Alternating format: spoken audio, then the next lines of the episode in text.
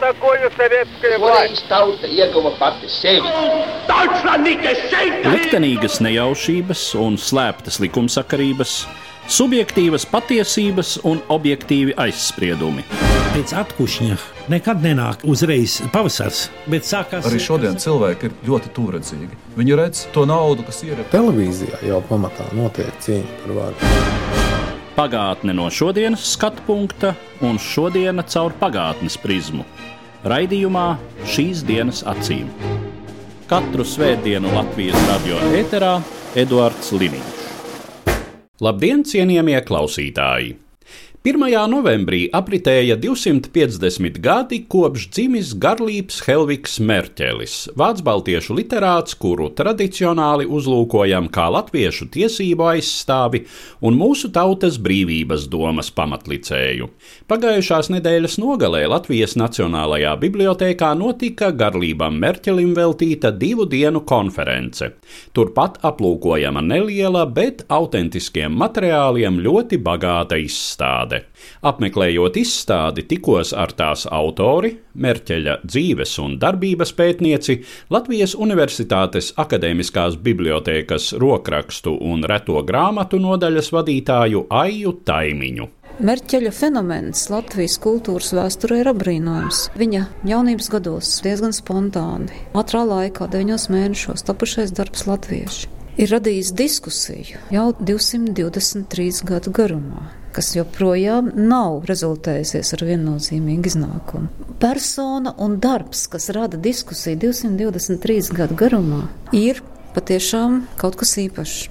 Un tas nav viņa vienīgais darbs. Un izstādes lielā vēsts varbūt ir tā, ka ir ne tikai šis viens darbs, vai vēl pāris darbu, ko mēs visi piesaucam kā krestomātiskas, kā ikoniskas vērtības Latvijas kultūras vēsturē, bet Merķeļa ir tik daudz un tik daudzās izpausmēs un tik nepazīstamās formās, ka tas patiešām ir ievērības cienīgs fenomens. Un ne tikai latviešu un latviešu stāsts un latviešu mīts Latvijas kultūras vēsturē.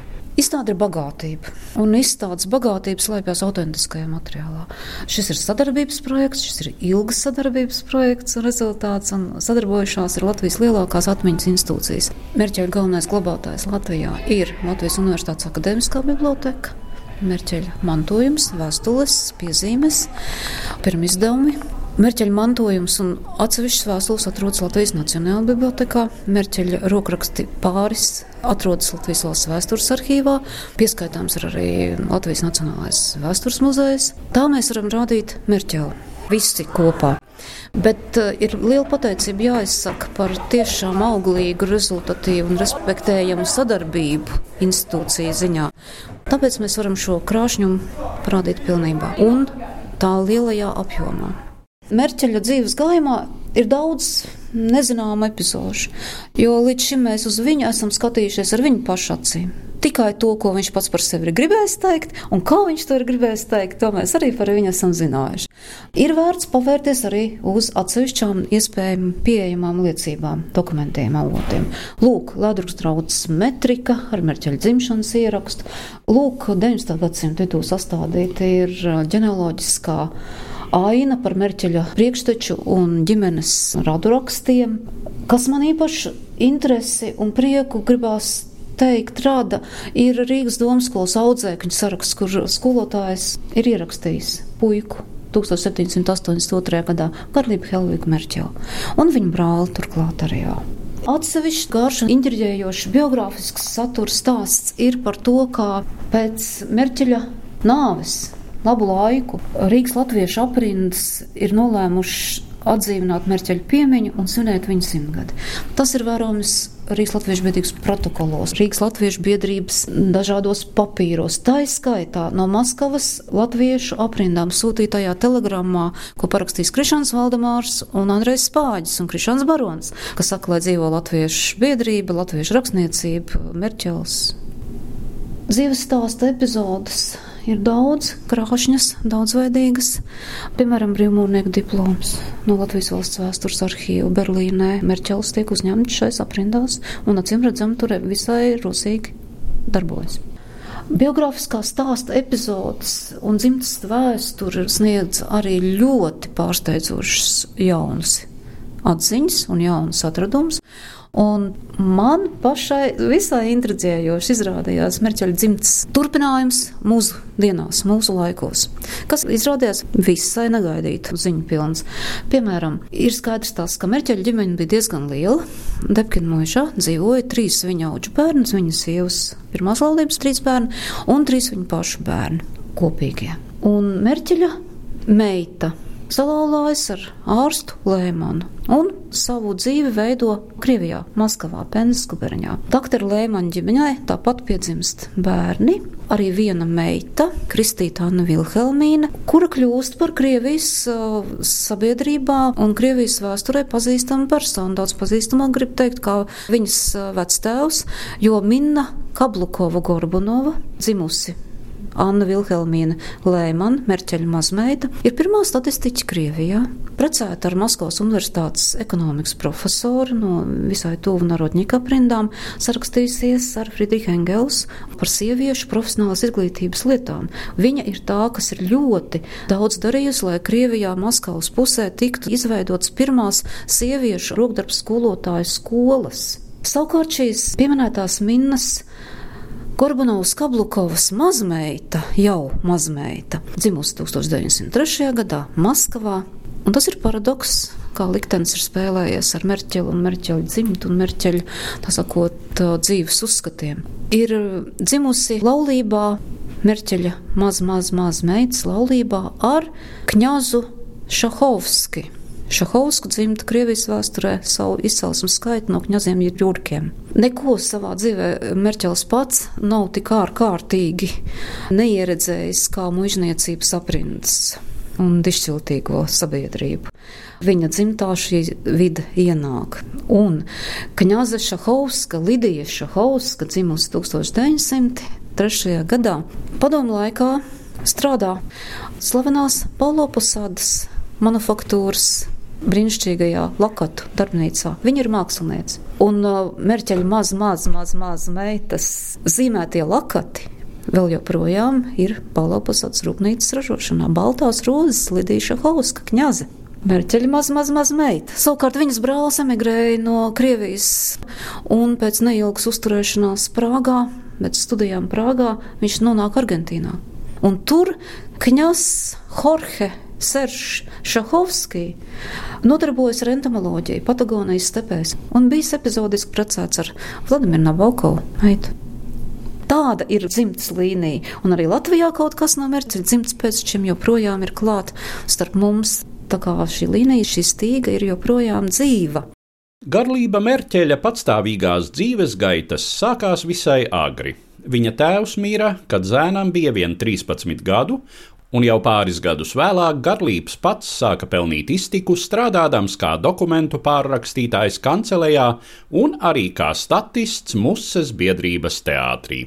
Rīgas laiks iezīmē Merķele dzīvē brīdi, kad viņu ārkārtīgi piesaista teātris. Un Rīgas pilsētas teātris un Rīgas pilsētas aktieru vide Viņš tur atrod savus draugus, viņš tur atrod savus labvēļus, savus domu biedrus, un viņš tur atrod arī savu pirmo mīlestību. Viņš ir ieskatījies kādā burvīgā aktrisē uz skatuves, kas spēlē Šilleru lugā, un Šilleru vārdu pieminējums Rīgas teātra vidē vienmēr būs ar īpašu vērtību, jo Rīgas teātris uzved Šilleru Don Karlos, un eksemplārs ir iegūts no Šillera paša, ir Šillera rokas rakstītais personu saraksts Rīgas pilsētas teātra eksemplārā. Teātra vide Merķelim ir interesanti bijusi arī daudz gadus vēlāk. Viņš vienmēr ir Berlīnē daudz mm, vērtējis teātris izrādes, pēc tam atgriezies Rīgā. Viņam vienmēr bija svarīgi, kas notiek teātrī, vai teātris ir labs vai slikts. Saviesīgā dzīve, neformālā saviesīgā dzīve, kultūras dzīve veidojas ap teātri. Merķelis ir tur iekšā. Agri uzsāktās darba gaitas un līdzekļu trūkums bija iemesls, kāpēc nepabeigtas palika mācības Rīgas domas skolā. Taču jaunā cilvēka rosīgais gars atrada pašpilnveida avotu. Tās bija grāmatas. 1788. gadā Merķelis tika pieņemts par maiskolotāju Liepupes mācītāja ģimenē, bet pāris gadus vēlāk Nītaures Annas muižas īpašnieka barona Tranzē mājās.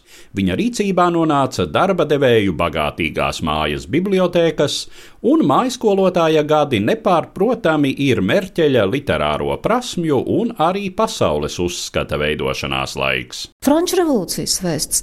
To, ka jaunais zēns Rīgā varēs būt labi, visai labi informēts par Franču revolūcijas notikumiem, tas nav nekas īpašs un pārsteidzošs. Izrādās Rīgas grāmatu tirgotāji par to ir varējuši parūpēties.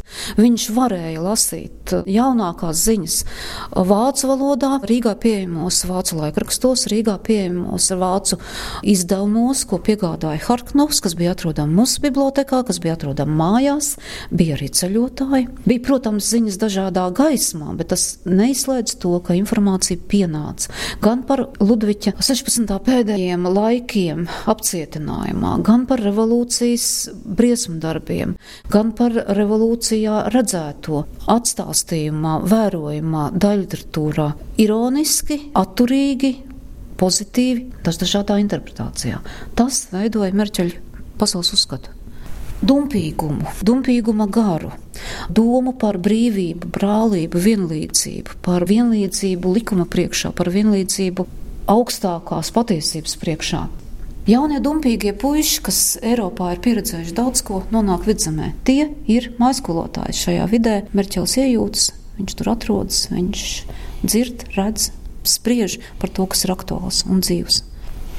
Būdams pavisam jauns, būdams pavisam jauns, 17 gadu viņam ir, un nebūtu nepabeidzis domu skolu, jo materiāla apstākļi liedz viņam pabeigt mācības. Viņam tiek piedāvāts mājaskolotāja darbs. Un viņš vairākus gadus pavadīja mājaskolotāja darbā, un šis mājaskolotāja laiks ir ļoti interesants. Merķelim tajā ziņā, ka viņš nonāk atkal atpakaļ laukos, un tā ir liepupa, un tā ir Annas mūža, un tās ir grāmatas. Viņš pats ir par sevi teicis, ka viņa uzskats lielā mērā ir veidojis vientulību un grāmatas. Šīs grāmatas ir mūža bibliotekā, šīs grāmatas ir mācītāja bibliotekās, un viņš tuvinās tam, ko viņš spēja darīt, viņš spēja pats sākt mēģināt dzējot. Viņš spēja mēģināt adarināt citus dzējniekus īpašs izdevums. Šī lentveidīgā apsveikuma dzēja ir pirmā mums zināmā un saglabājusies Merķeļa publikācija. Sveiciens savam cienītajam un godātajam 81 gadu vecajam kaimiņam, Aderkasam, vecmuišā. Jaunais Merķelis. Un jaunais Merķelis mēģinājumu par dzējas mākslu. Viņš nezina, kāpēc ir uzskatījis par vajadzīgu arī citus pamācīt, kā būtu pareizi kopt dzēju žanru. Tas ir jaunam cilvēkam ļoti raksturīgs dzējiskums, poētiskums, viegla erotika, sapņainība, dažādas ietekmes Horācijas, Vergīlijas, Aristoteles un mīļotie angļu dzēnieki. Klasicismu dzēja Ir skaisti skatīties, kā jauns cilvēks mēģina atrast savu ceļu agrā jaunībā, pēc tam šis vairs viņu gluži neinteresē, bet viņš iegūst šo literātu dāvanu rūdījumu, acīm redzot, tajā brīdī. Jaunā literāta spēju un ambīciju apliecinājums bija 1796. gadā tapušais darbs Latvieši, sevišķi vidzemē, filozofiskā gadsimta beigās. Tas ir jaunības maksimālisma un tā laika Eiropai pārišalkojošā revolucionāro pārmaiņu vēja apdvests darbs. Merķels ir dzimis 1769. gadā. Es negribu teikt, ka numeroloģija ir kāda nozīme šai situācijai, bet ieklausīties 1769. Merķeļa dzimšanas gads, 1789. Bastīlijas ieņemšana un Franču revolūcija, 1819. dzimpūšanas atcelšana. 1919. padomju valdīšana Latvijā. 1989. dziesmotā revolūcija. Gal galā. Un šie devītnieki neko nenozīmē, bet viņi uzrāda kaut kādu tādu savā ziņā amizantu tendenci. Varbūt paradoks. Bet uh, Franču revolūcijas nozīmē tā laika cilvēku uzskatos ir absolūti svarīga nozīme. Lielie franču domātāji, Voltērs, Ruso, Marmantels veido uzskatus ne tikai Francijā, bet arī tālajā vidzemē. Un, ja Napoleons saka, ka viņu ir izveidojis franču abats Renāls, un franču revolūcijas bībeli ir bijis Renāla divu Indiju filozofiskā un politiskā vēsture, tad arī Merķeļa uzskatus veido Renāla divu Indiju vēsture. Renāla citāti ir Merķeļa latviešos. Renāla uzskati veido Merķeļa skatījumu uz apspiestu tautu stāvokli. Ne tikai Indijā vai Amerikā, bet jo īpaši vidzemē. Man gribās izteikt domu, vai tikai Merķels jaunekļu gados lasījis savās mājās vai kaut kur citur ļoti populāros un skandalozos renāla apcerējumus, nav pieņēmis lēmumu, ja renāls tik veiksmīgi aplūko Indijas verdzības vēsturi un Amerikas verdzības vēsturi, bet tur pilnīgi iztrūkst ziemeļu stāstu ar Livonijas, ar Vidzemes, ar Igaunijas vēstījumu. Iespējams, ka viņš turpina renālu kādā tuvinātā formā. Apzinoties, ka tādus atcerējumu, kāds bija latvieši dzimtenē, izdot visdrīzāk neizdosies, Merķelis devās uz Vāciju. Nākamā desmitgade pagāja tur, iegūstot ražīga un spilgta, bet arī visai skandaloza publicista un recenzenta reputāciju. Pavarjoties arī uz Merķeli kā kritiķi, kādu ārprātīgu uh, rezonanci izraisīja viņa darbi Vācijā. Tas ir fenomens. Viņš teica, ka 25 gadu laikā pret viņu ir vērsušies 254 polemiskie raksti. Un, ja mēs Merķeli zinām pēc Valdemāra kā brīvības apustuli, vai kā Kārlis Dziļvējs saka, baltā dvēsele, vai kā visu latviešu karogu nesēju ciltstēvu, arī tādas ir šīs metaforiskās izteiksmes latviešu kultūrā, tad vācu literārā kultūra Merķelim adresē pavisam cits epitets, un tur ir pusliterāts, egoists, Latviešu Horācijas, Latviešu Voltērs, no tālās Latvijas nācis Samojets, kurš atnācis uz šejien tikai tāpēc, lai visu cilvēci aplietu ar mēsliem. Blakts arī. Un tā tālāk. Un šo apzīmējumu sēriju Merķeris ir izpelnījies nevis tādēļ, ka viņš ir dedzīgi stājies par šīs tautas brīvību un tiesībām. Tā to teica Valdemārs, tā to teica 50, 60, 70 un mūsu laiku historiografija ļoti bieži, bet gan tāpēc, ka viņš bija ārkārtīgi nežēlīgs, ārkārtīgi agresīvs un ļoti nekorekts literatūra kritiķis, kurš vērsās pret saviem spāles brāļiem, saviem tautas brāļiem Vācijā to desmit gadu laikā, kurš spēja vienlīdzīgi ironiski un agresīvi ironizēt par ķēti, kā klasismu pārstāvi, kā par romantiķiem, kā jaunāku literāru virzienu pārstāvjiem. Merķels ir pātagotājs. Tas ir viņa paštēls. Ir neiespējami mēģināt eksponēt visas tās grāmatas, par ko viņš ir izteicis viedokli periodikā, jo viņš ir kā žurnālists darbojies bez pārtraukuma, ārkārtīgi intensīvi. Vācijā, Kopenhāgenā būdams epizodiski 9 mēnešus, tad Vācijā 10 gadus, tad pārceldamies uz Latviju un nodzīvodams Rīgā Debkina mūžā no 1806. gada līdz savai nāvei 850. gadā, un nemitīgi viņš ir rakstījis, viņš ir recenzējis. Viņš ir recenzējis to, ko viņam piesūta, viņš ir recenzējis to, kas viņu interesē. Viens stāsts par Merķeļa recenziju, par ļoti būtisku un pirmo reizi atklātībā nonākuši vēstures avotu. Kas glabājās Dresdenē tajā laikā, ko atrod un ievēro? Ievērojams vācu izcelsmes Krievijā darbojies vēsturnieks, filologs un senās vēstures pazinājis pētnieks Ādalungs. Tas ir albums kas vēsta par to, kā 17. gadsimtā, 1770. gados no Šlezvigs uz Krieviju devās vēstniecība. Barona Herbersteina ceļojuma piezīmju albums. Šo oriģinālu Herbersteina atskaites ziņojumu savam valdniekam kā diplomātam. Viņam bija jāsniedz vēsts par savu diplomātiskās misijas iznākumu, un šo ceļojumu zīmējumos bija mūžinājis mākslinieks Štorno. Dresdenē ieraudzītais albums Adalungam šķiet tik vērtīgs, ka viņš par to pastāst grāvam Rozumovskim. Grāfs Rozumovskis kā ievērams mecenāts un kā liels valsts vīrs ziedo līdzekļus, zīmējumi tiek pārzīmēti, zīmējumi tiek litografēti vēlreiz, un albums iznāk. Mēs šeit redzam kurzemi 17. gadsimta vidū, mēs redzam kuldīgu un tuvinās vietas, visu to ceļu, kam cauri gāja vēstniecība. Pirmsdevums ir tik ļoti unikāla parādība un tik ļoti dārgs projekts, ka nepārprotami ir skaidrs, ka mērķa uzmanību tas nevar neizpelnīties. Ir izdevēja Ādelunga vēstuli Merķelim ar sirsnīgu pateicību par to, ka viņš ir tik labs vārds veltījis recenzijā Rīgā izdotajā laikrakstā, un neliela mūlas piezīme par to, jā, cik dīvaini, ka Rīgā šis albums joprojām vēl nav pieejams pēc pusgada, kaut gan maksā tikai 50 rubļus. Ādelunga interese par Merķeli ar to nebeidzās, viņš piesūta vēl savus nākamos darbus, un Merķels ļoti interesantā veidā izjūt to, kura publikācija, kura grāmata pelna ievērību. Un viņš novērtē arī to, kas ir novitāte. Nebūdams speciālists šajās jomās. Viņš pats par sevi saka, es esmu diletants. Viņam arī nav ne īsti pabeigts nec domskolas izglītības. Epizodiski viņš ir mācījies medicīnu, tas viņam ir jāsaka tā, licies pa garlaicīgi. Tad viņš ir nodevies filozofijas un literatūras studijām arī tās Jāsaka, tā nav tas lauks, kurā viņš būtu vēlējies, bet rakstniecība, jā, rakstniecība, publicistika un, acīm redzam, intuīcija un žurnālistiska veiksme.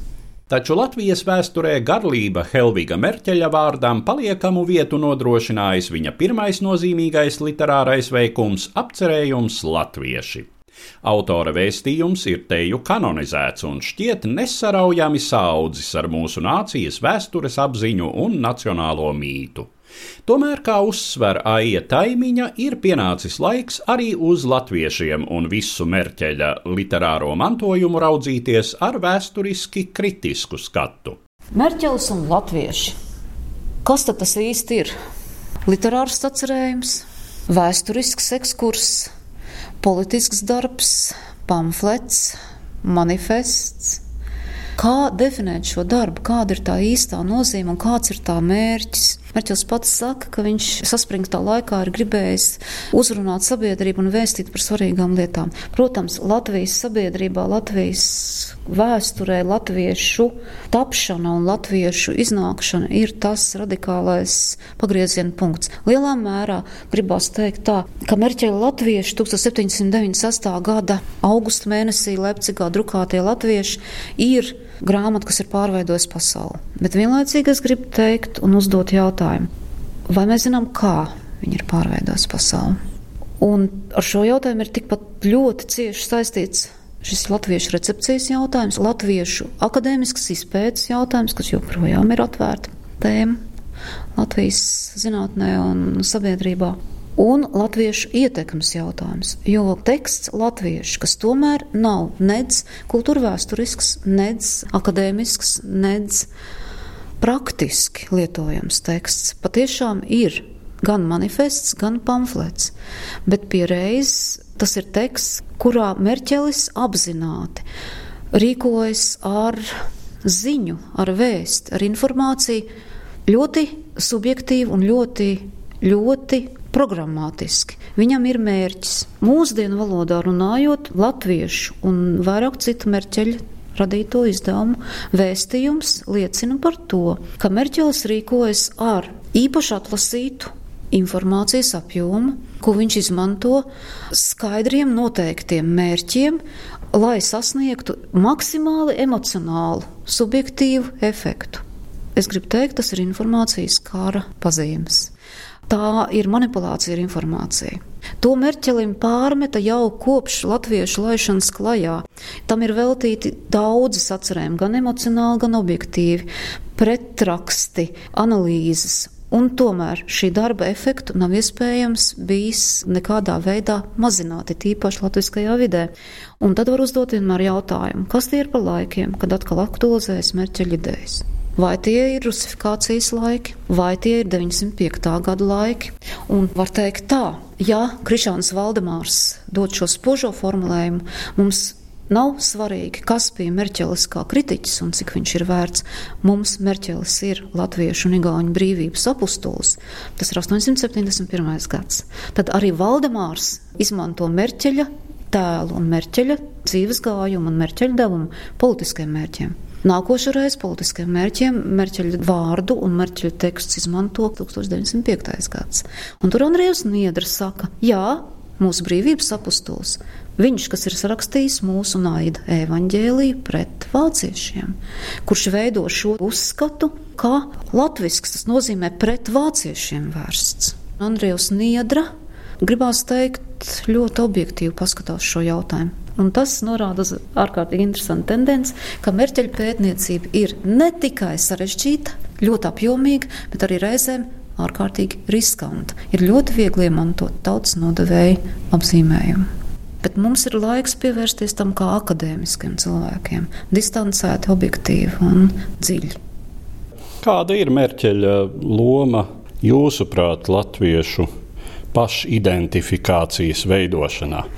Ak, Merķelis ir devis visus tos konceptus, ko mēs izmantojam līdz šai baltai dienai. Jāsaka, tā glorificējot, izmantojam. Tas ir pirmkārt Merķeļa laikā 700 verdzības gadi. Tas ir 1802. gads, kad parādās šis 700 gadu verdzības jēdziens. Merķelis dod latviešu panteonu, viņš rada latviešu mitoloģiju, viņš rada jēdzienu par igauniem un latviešiem kā dziedātāju tautām. Merķelis popularizē tautas dziesmu un folkloru kā vērtību vācu sabiedrībā. Merķelis stāsta par apspiestu, pazemotu tautu, kas ir pelnījusi brīvību un līdztiesību. Šie te jāsaka kompleksu, kompleksi ir mums ļoti grūti no apziņas izņemami un pārveidojami par kādu pozitīvo vēstu. Kāds no mērķeļu kritiķiem, piemēram, viņa laika biedrs, ir pilnīgi izmisumā iesaucies tā, es negribētu būt mērķeļa kunga vietā, tā ir latviešu sanāksmē, kur kāds latviešiem izstāstīt un izskaidrot, ko viņš par viņiem ir sarakstījis. Šī vēsts, kas nāk latviešos, ir ļoti kritiska, ļoti subjektīvi atlasīta un ļoti no šaura skatu punkta piemeklēta. Bet viņa empātija pret savas dzimtenes pamatiedzīvotājiem ir pastāvīga, nemainīga un patiesi dziļa. Par to viņam paldies. Bet mēs joprojām pieņemam visu par baltu patiesību. Kaut gan viņa laika biedri teica, tā viņam bija pieejama tikai ļoti neliela ziņu klāsts par patieso stāvokli. Un cik nežēlīgi viņš ir vērsies pret visu vidzemes garīdzniecības kārtu, kurai mēs varam pateikties par daudzu gadu simtos izaudzēto vidzemes literātu kārtu, par visiem sacerējumiem, kas ir tapuši par visu to, ko darījuši mācītāji mājās, skolās un sētās. Merķels ir sniedzis ārkārtīgi nežēlīgu, parodējošu un ļoti izkropļojošu priekšstatu. Bet, uh, kas ir tas, kas no mērķeļa būtu arī šodien paturams un saglabājams tādā gadījumā? Mm, deksme spēja izjust vērtības, spēja sekot ļoti jaunajam, un tas ir tas neparastais mērķels, ko man ļoti gribētos, ka mēs ieraudzītu neparasto mērķeli, lai mēs ieraudzītu mērķeli, kurš spēj izteikties ar dedzību. Piemēram, par uh, modernās pasaules tehniskajām jaunajām norisēm, par Merķeli, kurš saka, ka ir noteikti jābūvē dzelzceļš no Rīgas uz Jāgaunu 30 gadus ātrāk. Visā Krievijas impērijā vēl nekā līdzīga nav. Par Merķeli, kurš saka, ka ir jāievieš jaunas lauksaimniecības kultūras, aplūkojas dabā, kā auga rapsim radniecīga kultūra jaunstraupē. Holandiešu kolonijā, un viņš propagandē savā laikrakstā jau eļas spiedi. Taisiet, strādājiet pa jaunam, kaltējiet savādāk labību, savādāk pļaujiet, strādājiet labāk, intensīvāk, mācieties, lasiet. Un labā vēsts, par ko mēs patiesībā varētu viņam patiešām būt pateicīgi, ir tas, ka viņš savā laikraksta provinciāli blata lapās, gadu gājumos, mērķiecīgi vēsta ne tikai par dažādām ziņām no visas Eiropas un no Krievijas impērijas, par literāriem jaunumiem, politiskiem, kultūrāliem, bet viņa programmā ietilps stāstīt un rādīt, kā pārveidojas latvietis tad, kad tas ir iemantojis brīvību, 819. gads, dzimbūšanas atcelšana. Un kā pārveidojas Latvijas, ja tas mācās, ja tas saprātīgi mācījies, spēj skaisti saimniekot, veiksmīgi saimniekot. Un tur ir dažas brīnišķīgas epizodes. Viena no šīm epizodēm saistās ar Cīraus dzērves skolu. Merķels ir iekļāvis provinciālu blatu ziņojumos sistemātiski vēstījums par jaunā latviešu zēna censoņa Andrēja Bergmaņa dzīvi un viņa darbiem ko viņam piegādā mācītājs Walters. Un Mērķels ir teicis, ka Cīros dzēras skola ir labākais vēstījums provinces vēsturē. Šie jaunie izglītotie, akadēmiski izglītotie latvieši, censoņi, tas ir tas, ko viņš patiešām ar prieku un gandrību liecina. Pārējais vienkārši ir Vidzemes vēstures daļa. Gan Vanēms Imants, kā literāra leģenda, Imantas tēls. Mums ir Imantas pulks, mums ir kuģmašīna Imanta, mums ir zilie kalni, mums ir mūžam zili un vispārējais. Un Rīgas mikrorajons. Un Rīgas mikrorajons tā skaitā. Šis tēls, šīs līdzības, šīs metafāras, šī metaforiskā valoda, bet tur apakšā visur ir arī precizējošais darbs, protams. Ievērot viņa daudzveidību, pretrunīgumu, sarežģītību, īstenībā ārkārtīgi sarežģīta personība. Bet viņš veido literāro publicistikas praksi, kas joprojām ir spēkā, funkcionē. Un es īstenībā gribu teikt, viņš savā ziņā ir dzeltenās preses tradīcijas veidotājs. Viņš ir bijis tik ražīgs, ka viņš varēs nodrošināt veselu preses koncernu darbību. Arī šādā aspektā ļoti varbūt divdomīgā veidā. Līdz ar to izskan raidījums, kas bija veltīts vācu baltiešu publicistam un kritiķim, latviešu tautas tiesību aizstāvim Garlībam Helvigam Merķelim, kopš kura dzimšanas 1. novembrī apritēja 250 gadi. Raidījumā uzklausījāt Merķeļa dzīves un darbības pētnieci, Latvijas Universitātes Akademiskās bibliotēkas rokrakstu un reto grāmatu nodaļas vadītāju Aiju Taimiņu. Uz redzēšanos, cienījamie klausītāji! Katru svētdienu Latvijas radio viens par pagātni sarunājas Eduards Līniņš.